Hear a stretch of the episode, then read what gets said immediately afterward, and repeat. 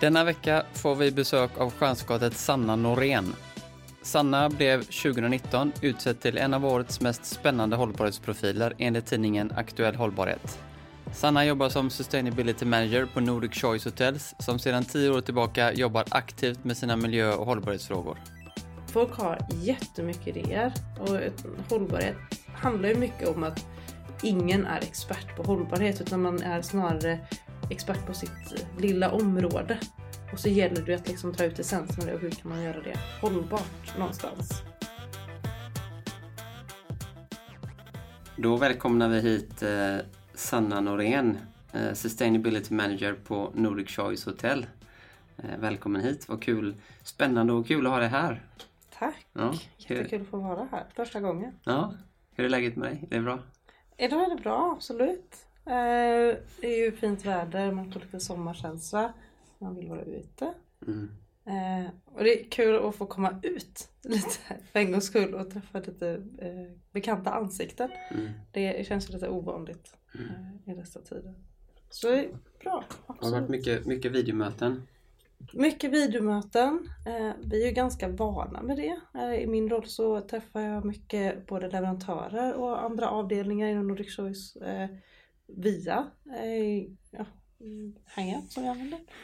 Eh, så det har inte varit några konstigheter för oss. Eh, jag brukar åka upp till Oslo ganska ofta och Stockholm. Det har jag inte gjort nu senaste. Så den biten har vi tappat. Men annars så möten för oss är inte så konstigt. Inget nytt. Du har, du har vanan inne? Ja. Um, när vi, um, vi har ju träffats innan som sagt och vi jobbar också med uh, Comfort Hotels här i Göteborg och har eh, Eh, jobbat, testat vårt system och eh, jag tänker så här också att eh, kan du uppleva samma som jag, att, man, att luften lite går ur en när man jobbar med hållbarhetsfrågor? Eh, ekonomin störtdyker och klimatet mår bättre än någonsin. Hur man kan ställa sig till den eh, alltså känslan på något sätt? Ja, eh, både och då. Luften går ur mig personligen, ja, för att hållbarhet handlar ju om långsiktighet. Eh, och man pratar strategier och allting. Det jag gör i mitt jobb har ju ett syfte för att vara långsiktigt hållbart. Och då blir det ju ett eh, väldigt krasch när det händer en sån här eh, pandemi som är så extremt liksom ganska kort och intensiv. Men som gör att hela mindsetet blir ju att tänka kortsiktigt. Hur ska vi överleva idag och imorgon? Inte hur ska vi jobba nu för att om ja, 2, 3, 10, 20, 30 år vara hållbara då. Så att eh, hur, hur man pratar nu känner jag förändras ganska fort på liksom några veckor. Eh, på, den, på det sättet har luften gått ur mig lite. Hur, hur ska man tackla det här? Eh, samtidigt så är ju eh, pandemin liksom ganska kopplad till att vi behöver tänka om hur vi hanterar våran eh, jord och planet. Både ur ett miljömässigt hållbarhet och social hållbarhet. Ehm, att vi är så otroligt globaliserade ekonomiskt och liksom är så väldigt beroende av varandra. Är det bra liksom? Är det bra när en ekonomi kraschar att hela liksom eh, kraschar? Ehm, och också är det ju forskare som pekar på att pandemin liksom har eskalerat på grund av klimatförändringarna. Alltså extremvärdena påverkar. Eh, också det att vi har en otrolig degradering av biologisk mångfald gör ju liksom att vi kommer ganska mer närmre de här liksom både djuren och naturen som vi inte har varit nära innan när vi tar bort skog till exempel.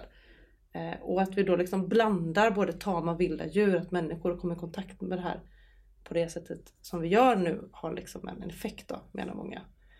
Eh, så kanske man också börjar tänka där liksom, hur får vi större resiliens egentligen mellan det vilda och det tama.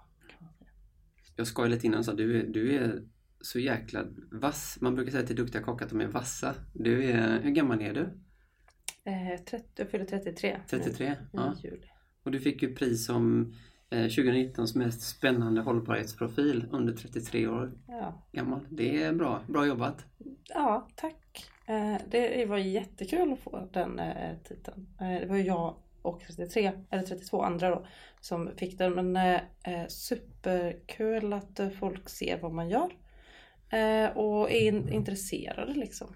Eh, man, man vill ju förändra världen. Jag vill förändra världen. Det är liksom mitt motto och då är det ju kul att andra folk ser det. Man gör skillnad. Men jag tänker du har, eh, vad är din bakgrund som, eh, hur kom du in i, vad var det som fick dig att börja intressera för hållbarhet och miljön?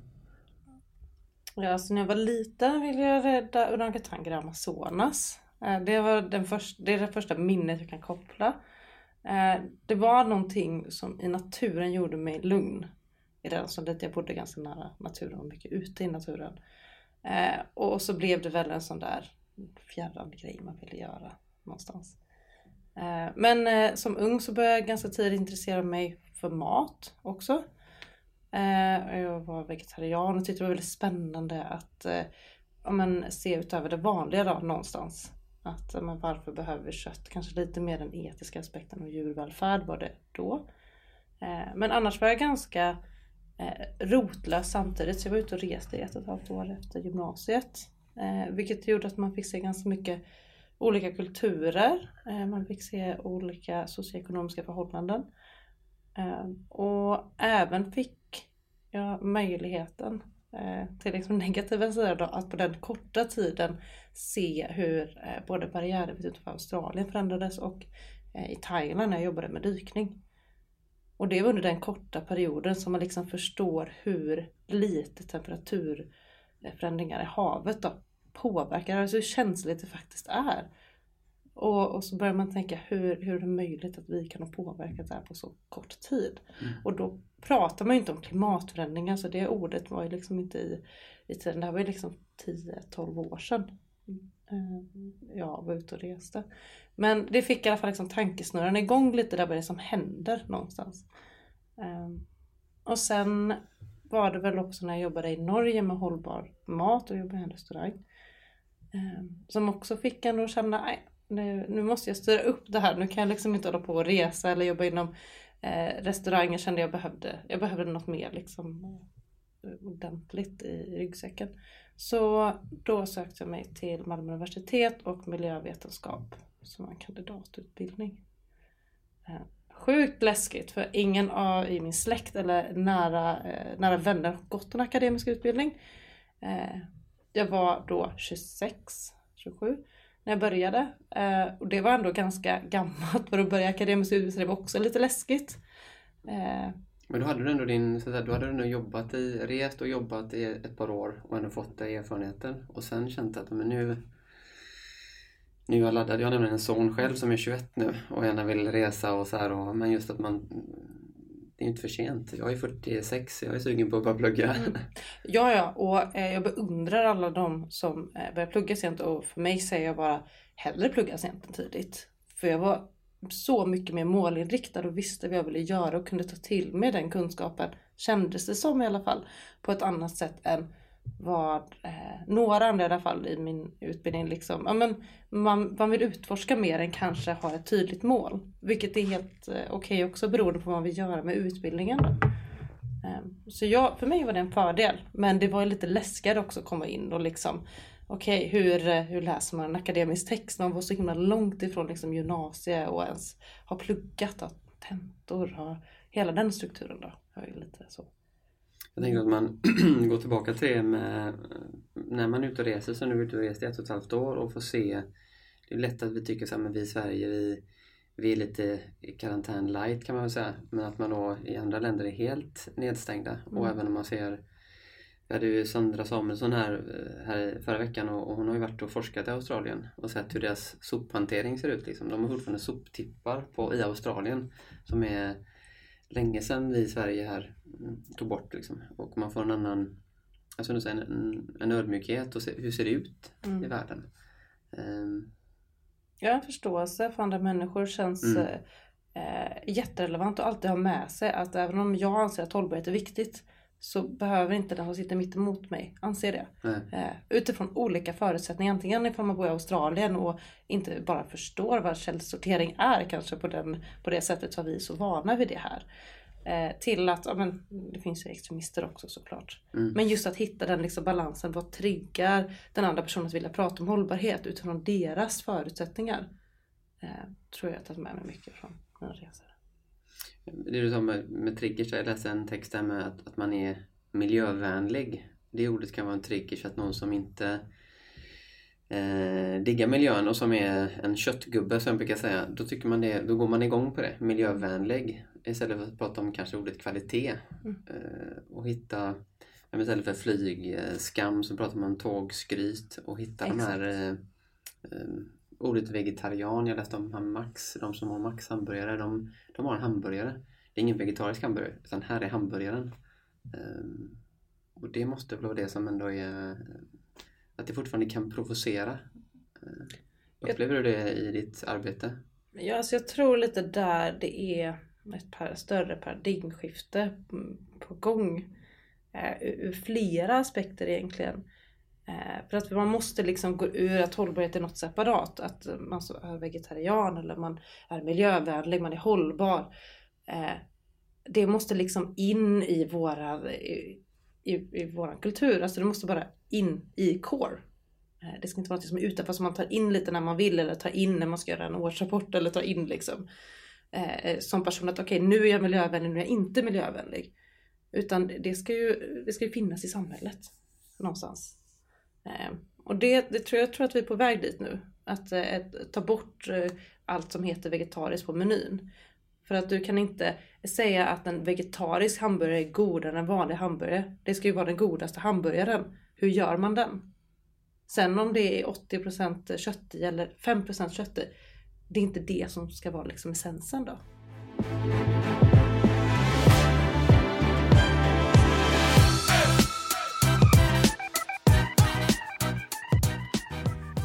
Tror du på, för jag vet när vi jobbar med komfort så, så eh, höll jag på att få igång tanken hos kockarna.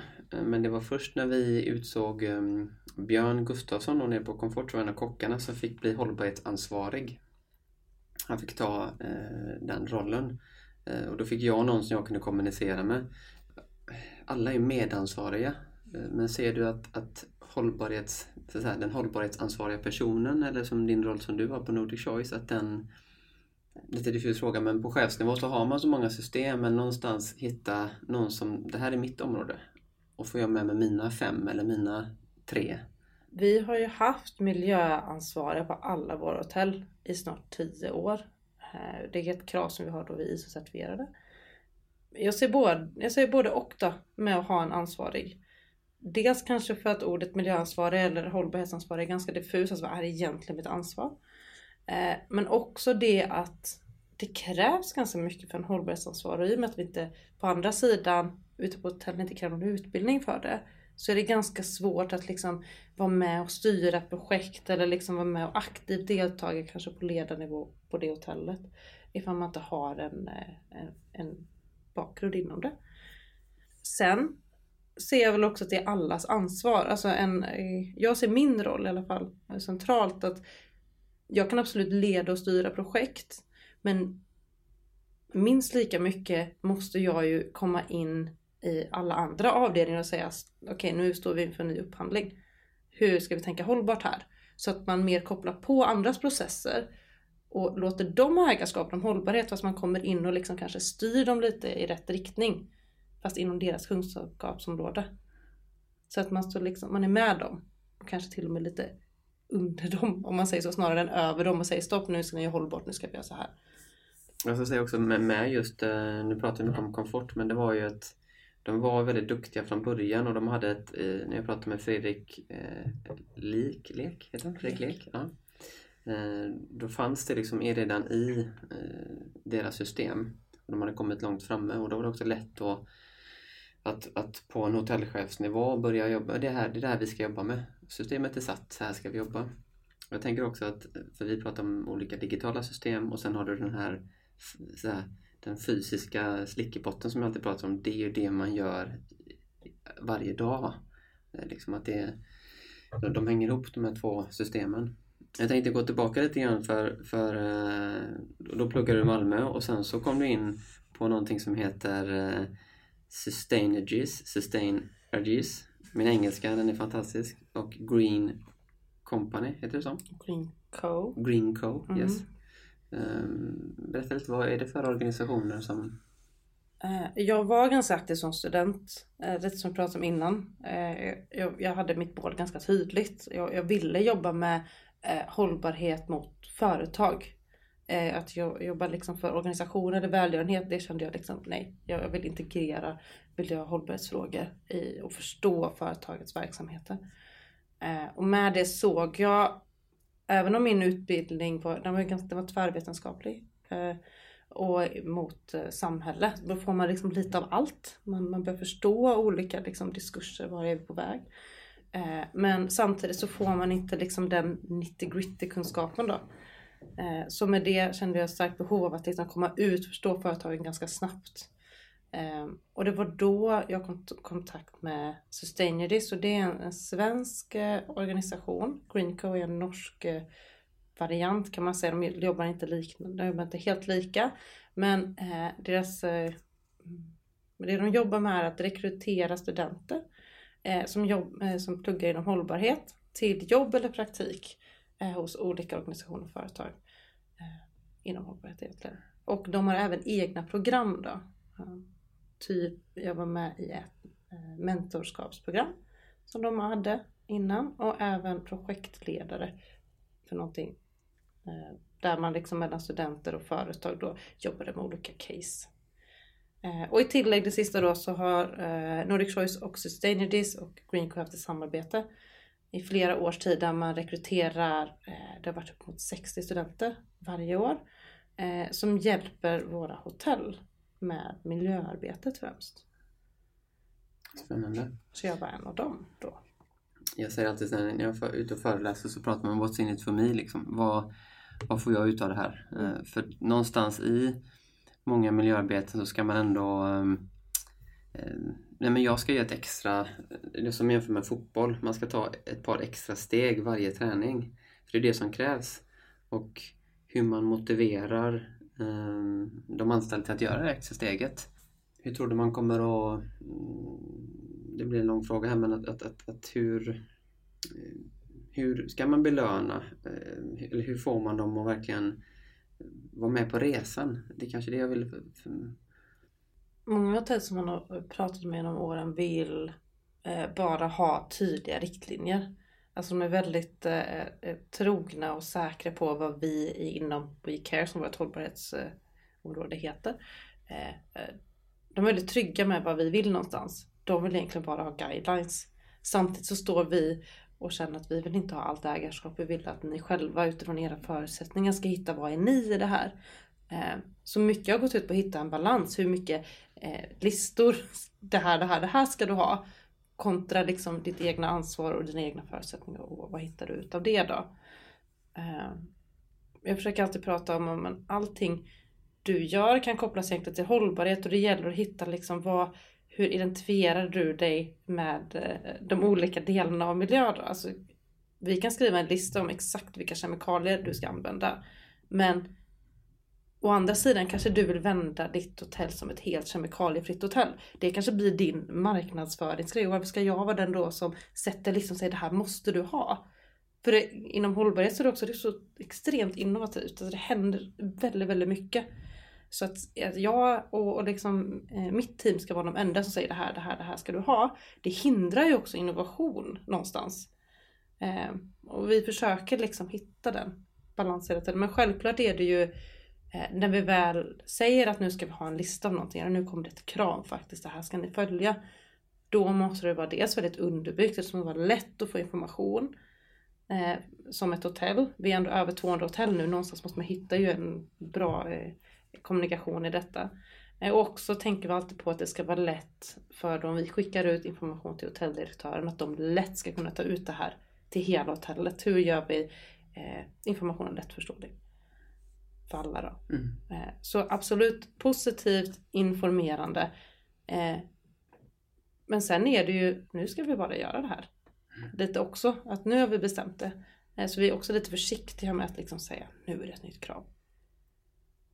Är, man får ta en, en, en sak i taget och framförallt fira sina framgångar när man gör någonting som, som är bra.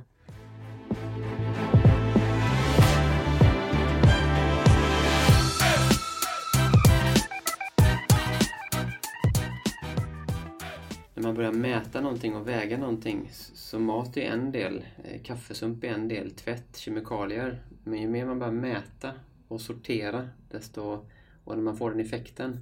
Jag vet att eh, Komfort var ju fantastiska på att sortera ut allt i sina sopor. Så det brännbara avfallet var ju, och det betalar man ju dessutom för, i Göteborg i alla fall. Det var ju jättelite. Och det var en effekt som inte jag hade tänkt på ens. Jag såg ju bara matavfallet. Men eh, det är ju det som skapar effekter på Nej, men ta, ta, ta tvätt till exempel. Måste man, om man jobbar ett pass som kock eller städare eller hovmästare, eh, hur ofta byter man sina arbetskläder? Jobbar man rent och snyggt så kan man ha samma kockrock, tycker jag, tre kockrockar i veckan. Om man räknar på det, tre eller fem kockrockar i veckan, så är det ju otroligt stora pengar och bara så kast för miljön. Um, och det kan väl jag känna frustration över, man som har drivit en egen krog visa upp en faktura liksom. Här är tvättkostnaden för ett stort hotell i Göteborg eller Oslo. Eh, om det kan någonstans eh, skapa förståelse, jag vet inte. Det tror jag absolut. Just det med kockrock har jag själv aldrig tänkt på. Eh, det där ska jag ta med mig. Tack. Mm. Nej, men och det är byxor också. Det är byxor och, och kockrock och det är förkläde och, och slängar liksom. Mm. Men på vissa krogar, fin, alltså de här gourmet fine dining krogarna, då får du en släng liksom, per dag och du jobbar 16 timmar kanske. Se till att vara den slängen för det är den enda du har. Eh, på grund av egentligen ekonomi från början kan jag tänka mig. Så ja, vad bra, då fick vi med oss en, en bra grej. Exakt. Ja. Nej men eh, alltså det som jag tror kan vara svårt också med hållbarhet för alltså både oss som är stora eh, och även enskilda små restauranger är att man vill ju någonstans göra allt. Eh, och samtidigt så kan man inte göra allt, man kan inte ha kunskap om allt. Och ska man göra allting då blir det ofta ganska rörigt. Eh, vad, vad, ska man få ut av det här liksom? Eh, man kommer inte längre att oj jag ser ett problem, jag vill lösa det, eh, jag tror att jag löser det och så ska man också springa på nästa boll. Men det handlar ju om ofta att förändra folks beteenden. Så det är en ganska känslig sak med hållbarhet. Alltså ska man förändra sin kost? Ska man eh, vara en liten minipolis som säger nu eh, har inte du sorterat ut rätt här eller eh, nu har du nog smutsat ner din kockrock alldeles för mycket. Jag tror snarare liksom att vi kan nog alla, inklusive oss själva, bli bättre på att säga nej, vet ni vad, nu måste vi fokusera 100% på matavfall till exempel och skita i allt annat för ett år. För att liksom hitta bra rutiner som ska kommuniceras ut 100%. Eh, det blir ofta information overload. Att man liksom har kanske fem olika mål man jobbar med och hur ska jag verkligen jobba med det här rent konkret. Eh, och det gör att man liksom tappar ganska många på vägen. Tror jag då. Det blir för, för många liksom. Eh, ja. Exakt. Och jag menar du, du har ju varit på Comforted. Du ser ju liksom, och gud vad bra att de också gör eh, avfallshanteringen så himla bra. Eh, och det är ett mål vi också jobbar med. Men vi jobbar också med matavfall, vi jobbar också med vatten, vi jobbar också med energi, kemikalier, transporter. Um, och där måste man liksom hitta en balans. Alltså hur gör vi en sak riktigt jäkla bra? Alltså våga säga nej. Mm. Nu, nu stoppar vi det andra. Jag tänker på en sak med, med miljöarbete och eh, så mycket kreativa människor, så mycket idéer. Jag kan känna så att man kan liksom inte, ja men vi har en grym idé nu. Den, man måste vara på, det händer så mycket hela tiden.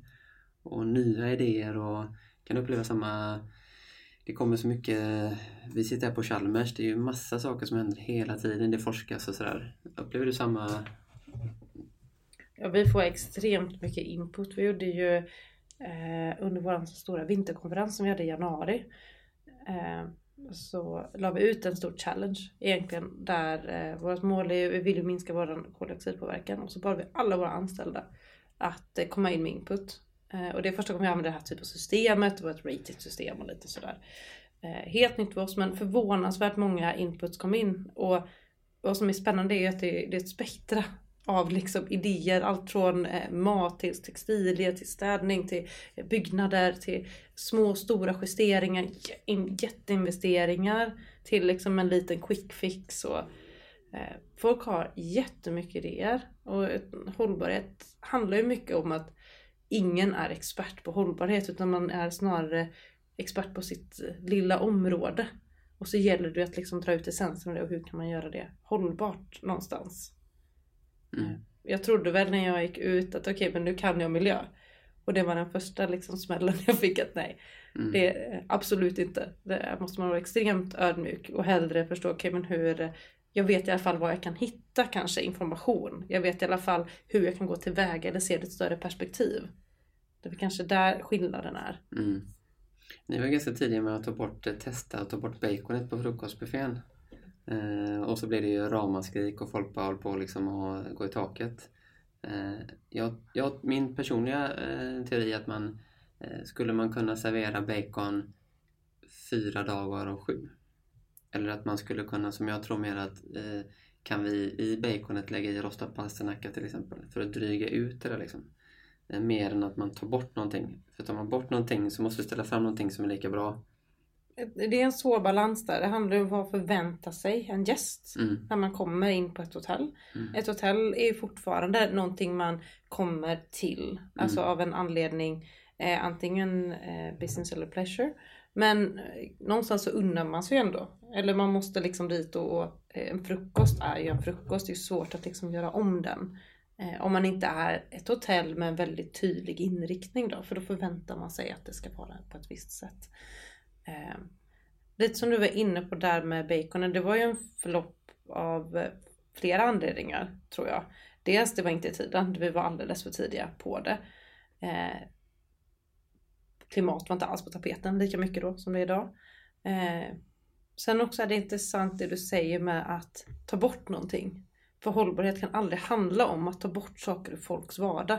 Man, man kan aldrig ersätta en, eh, en produkt eller ta bort en produkt som är liksom eh, bra för att säga att det sen är hållbart och antingen ersätta med en sämre produkt eller en någon som inte är, är bättre kvalitet. Utan man måste liksom visa att hållbarhet är alltid bättre. Alltså det är steg i, i rätt riktning, inte att ta bort saker från mm. eh, folks vardag. Eh, så snarare blanda ut med, med palsternacka än att ta bort baconen tre dagar i veckan skulle jag säga. Kanske vi får se det här på frukostbufféerna på Nordic Choice till, det kommer till hösten. Nu. Mm. Nej, men också tänka vad är det, varför folk ha bacon då? Det är väl också, okej okay, man vill ha något salt, man kanske vill ha något eh, varmt kött på morgonen, är det det folk är ute efter? Okej, okay, hur kan man tänka kreativt och innovativt kring det då mm. också?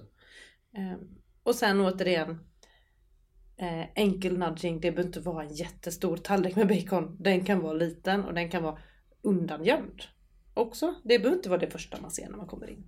Beställning nästan? Sådär. Ja men ja. kanske, jag vet inte. Det, det, handlar liksom om att leka lite med, med folks mindset också utan att liksom ta bort det. Mm. Göra mer saker attraktivt än bacon. Jag kan uppleva att vi är så rädda för att eh, åh, det kommer bli katastrof. Men om inte vi vågar göra det då får vi ju aldrig någon förändring. Eh, sen är det klart att 200 hotell testa, men det är klart att men för att testa något nytt så måste man få lite käftsmällar och det funkar inte men slipa lite, testa igen, slipa igen och till slut är man framme. Jag upplever att väldigt många så här, ja vi testar, det funkar inte. Nej okej, okay, testa igen då. Och igen och igen och igen. Det är ju liksom, måste vara kittet. Mm. Alltså man måste ju våga erkänna också när man gör fel. Ja. Eh, och lära sig av det istället. Det är ju den stora liksom, vad ska man säga, backen att ta sig över tror jag att absolut, du kommer alltid göra misstag. Vi har gjort flera misstag eh, inom Choice. Vi försökte med en helt vegetarisk vecka på Sign. Ska jag hoppas jag inte säger fel hotell, jag tror det var Sign. Eh, där vi fick avbryta. För att eh, kommunikationen där hade inte gått fram mellan eh, de som hade beställt typ konferenser. Eh, och vad vi faktiskt sysslade med. Så dels visste de inte att det skulle vara en helt eh, vegetarisk vecka och att eh, folk var inte beredda på det. Det blev liksom bara helt, eh, helt fel. Mm. Och då, okej. Okay. Man kan ju bara ta negativ kritik till en viss gräns så okej, okay, det, här, det här blev ju fel. Men där måste man ju, okej okay, vad, var det, vad var det som blev fel? Varför blev det så här? Okej, hur, hur når vi varandra på ett annat sätt då? Mm. Kanske. Det som vi ser som ett hinder här till exempel när en mötesbokare som ringer och säger hej jag skulle vilja boka en konferens för 500 pers. Och så sitter de på hotellen och säger bra vill du ha en vegetarisk meny, vill du ha oh, Vågar jag ta vegetariskt? För nu kommer de här 500 personerna där och ja. där ser jag ett hinder absolut, Mm. att hitta den vägen att kommunicera. Eh, Jag förstår att en mötesbokare kanske inte känner sig ansvarig liksom för vad alla ska äta på det sättet. När det fortfarande inte är helt kutym att kanske ha vegetariskt fullt ut. Vil- Vilket av era hotell, om man säger nu känner jag till några av era kockar som är jätteduktiga. Eh, Jag har även träffat Marcus Samuelsson nu många år sedan. Men vilket hotell skulle jag säga om, om ni provar en ny vegetarisk vecka? Mm, om man säger Göteborg, Oslo, Stockholm. eh, Vilket, vilka, vilka är mest i framkant? Vilket, eller testar ni olika eller? Eh, Alltså Clarion Hotel Design är ett av våra bästa eh, Eh, hotell inom hållbarhet. För de kommunicerade jättebra. De har flera olika initiativ. Så jag skulle säga att eh, spontant, eh, det hotellet är det som syns mest i media i alla fall, sociala medier framförallt. Eh, om att ta hållbarhetsinitiativ. Så där skulle det nog vara mest accepterat. Skulle jag säga utan att det- kunna alla våra hotell. Eh, Och då kan man testa där och så får man med sig lite mm, eh, Precis, men ofta handlar det ju också om att vi har väldigt mycket kontakt med alla våra köksgrupper alltså på olika hotell. Och det är ju jätteolika. Vissa hotell säger ah, men den här, det här vill jag prova, det här vill jag ha pilot på. Eh, så försöker vi göra det här också. Självklart är det lättare i storstäder för att där är folk mer villiga till förändring. Det ser vi ju. Eh, det är där trenderna inom vegetariskt och sådär eh, funkar. Sen får man ju också se att man har olika förutsättningar beroende på var i, olika, var i landet vi befinner oss och vilka olika länder, var någonstans man är. Liksom, de olika kulturerna. I den här podden kommer att fråga alla våra gäster, vem tycker du att vi ska intervjua härnäst? En bra person som du tänker så här, men den här skulle jag vilja lyssna på. Um, Eh, sp- Eh, alltså spontant, en av eh, de personerna jag inspireras av eh, jättemycket är Gunhild Stordalen. Och det har ju inte att göra med att man har så nära koppling men jag tycker både hennes resa eh, privat eh, hon har varit med om mycket, hon har tagit om mycket. Eh, och det hon har skapat med IT tycker jag liksom är, är så jäkla häftigt att få med sig liksom hela forskarvärlden inom mat och liksom det hon har fått till mm. är extremt inspirerande för mig. Jag har inte pratat så mycket om det här IT idag, men det är också ett helt avsnitt i sig. Så vi får... eh, vi har det som målsättning att vi ska få hit Gunhild Stordalen till våran eh, podcast. Det vore helt fantastiskt. Tack så jättemycket att du kom hit idag. Det är spännande och vi hoppas eh, vi får se, bjuda in dig snart igen. Det vore jättekul att prata. Vi har massa mer att prata om. Vi får ha ett extra program. stort tack för att du kom. Tack, jättekul att vara här.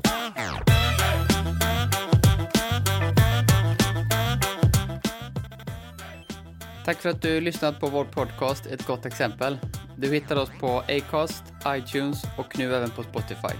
Du hittar oss även på Instagram där vi heter Ett gott exempel. Gå gärna in och följ oss där. Tack, vi hörs igen nästa vecka.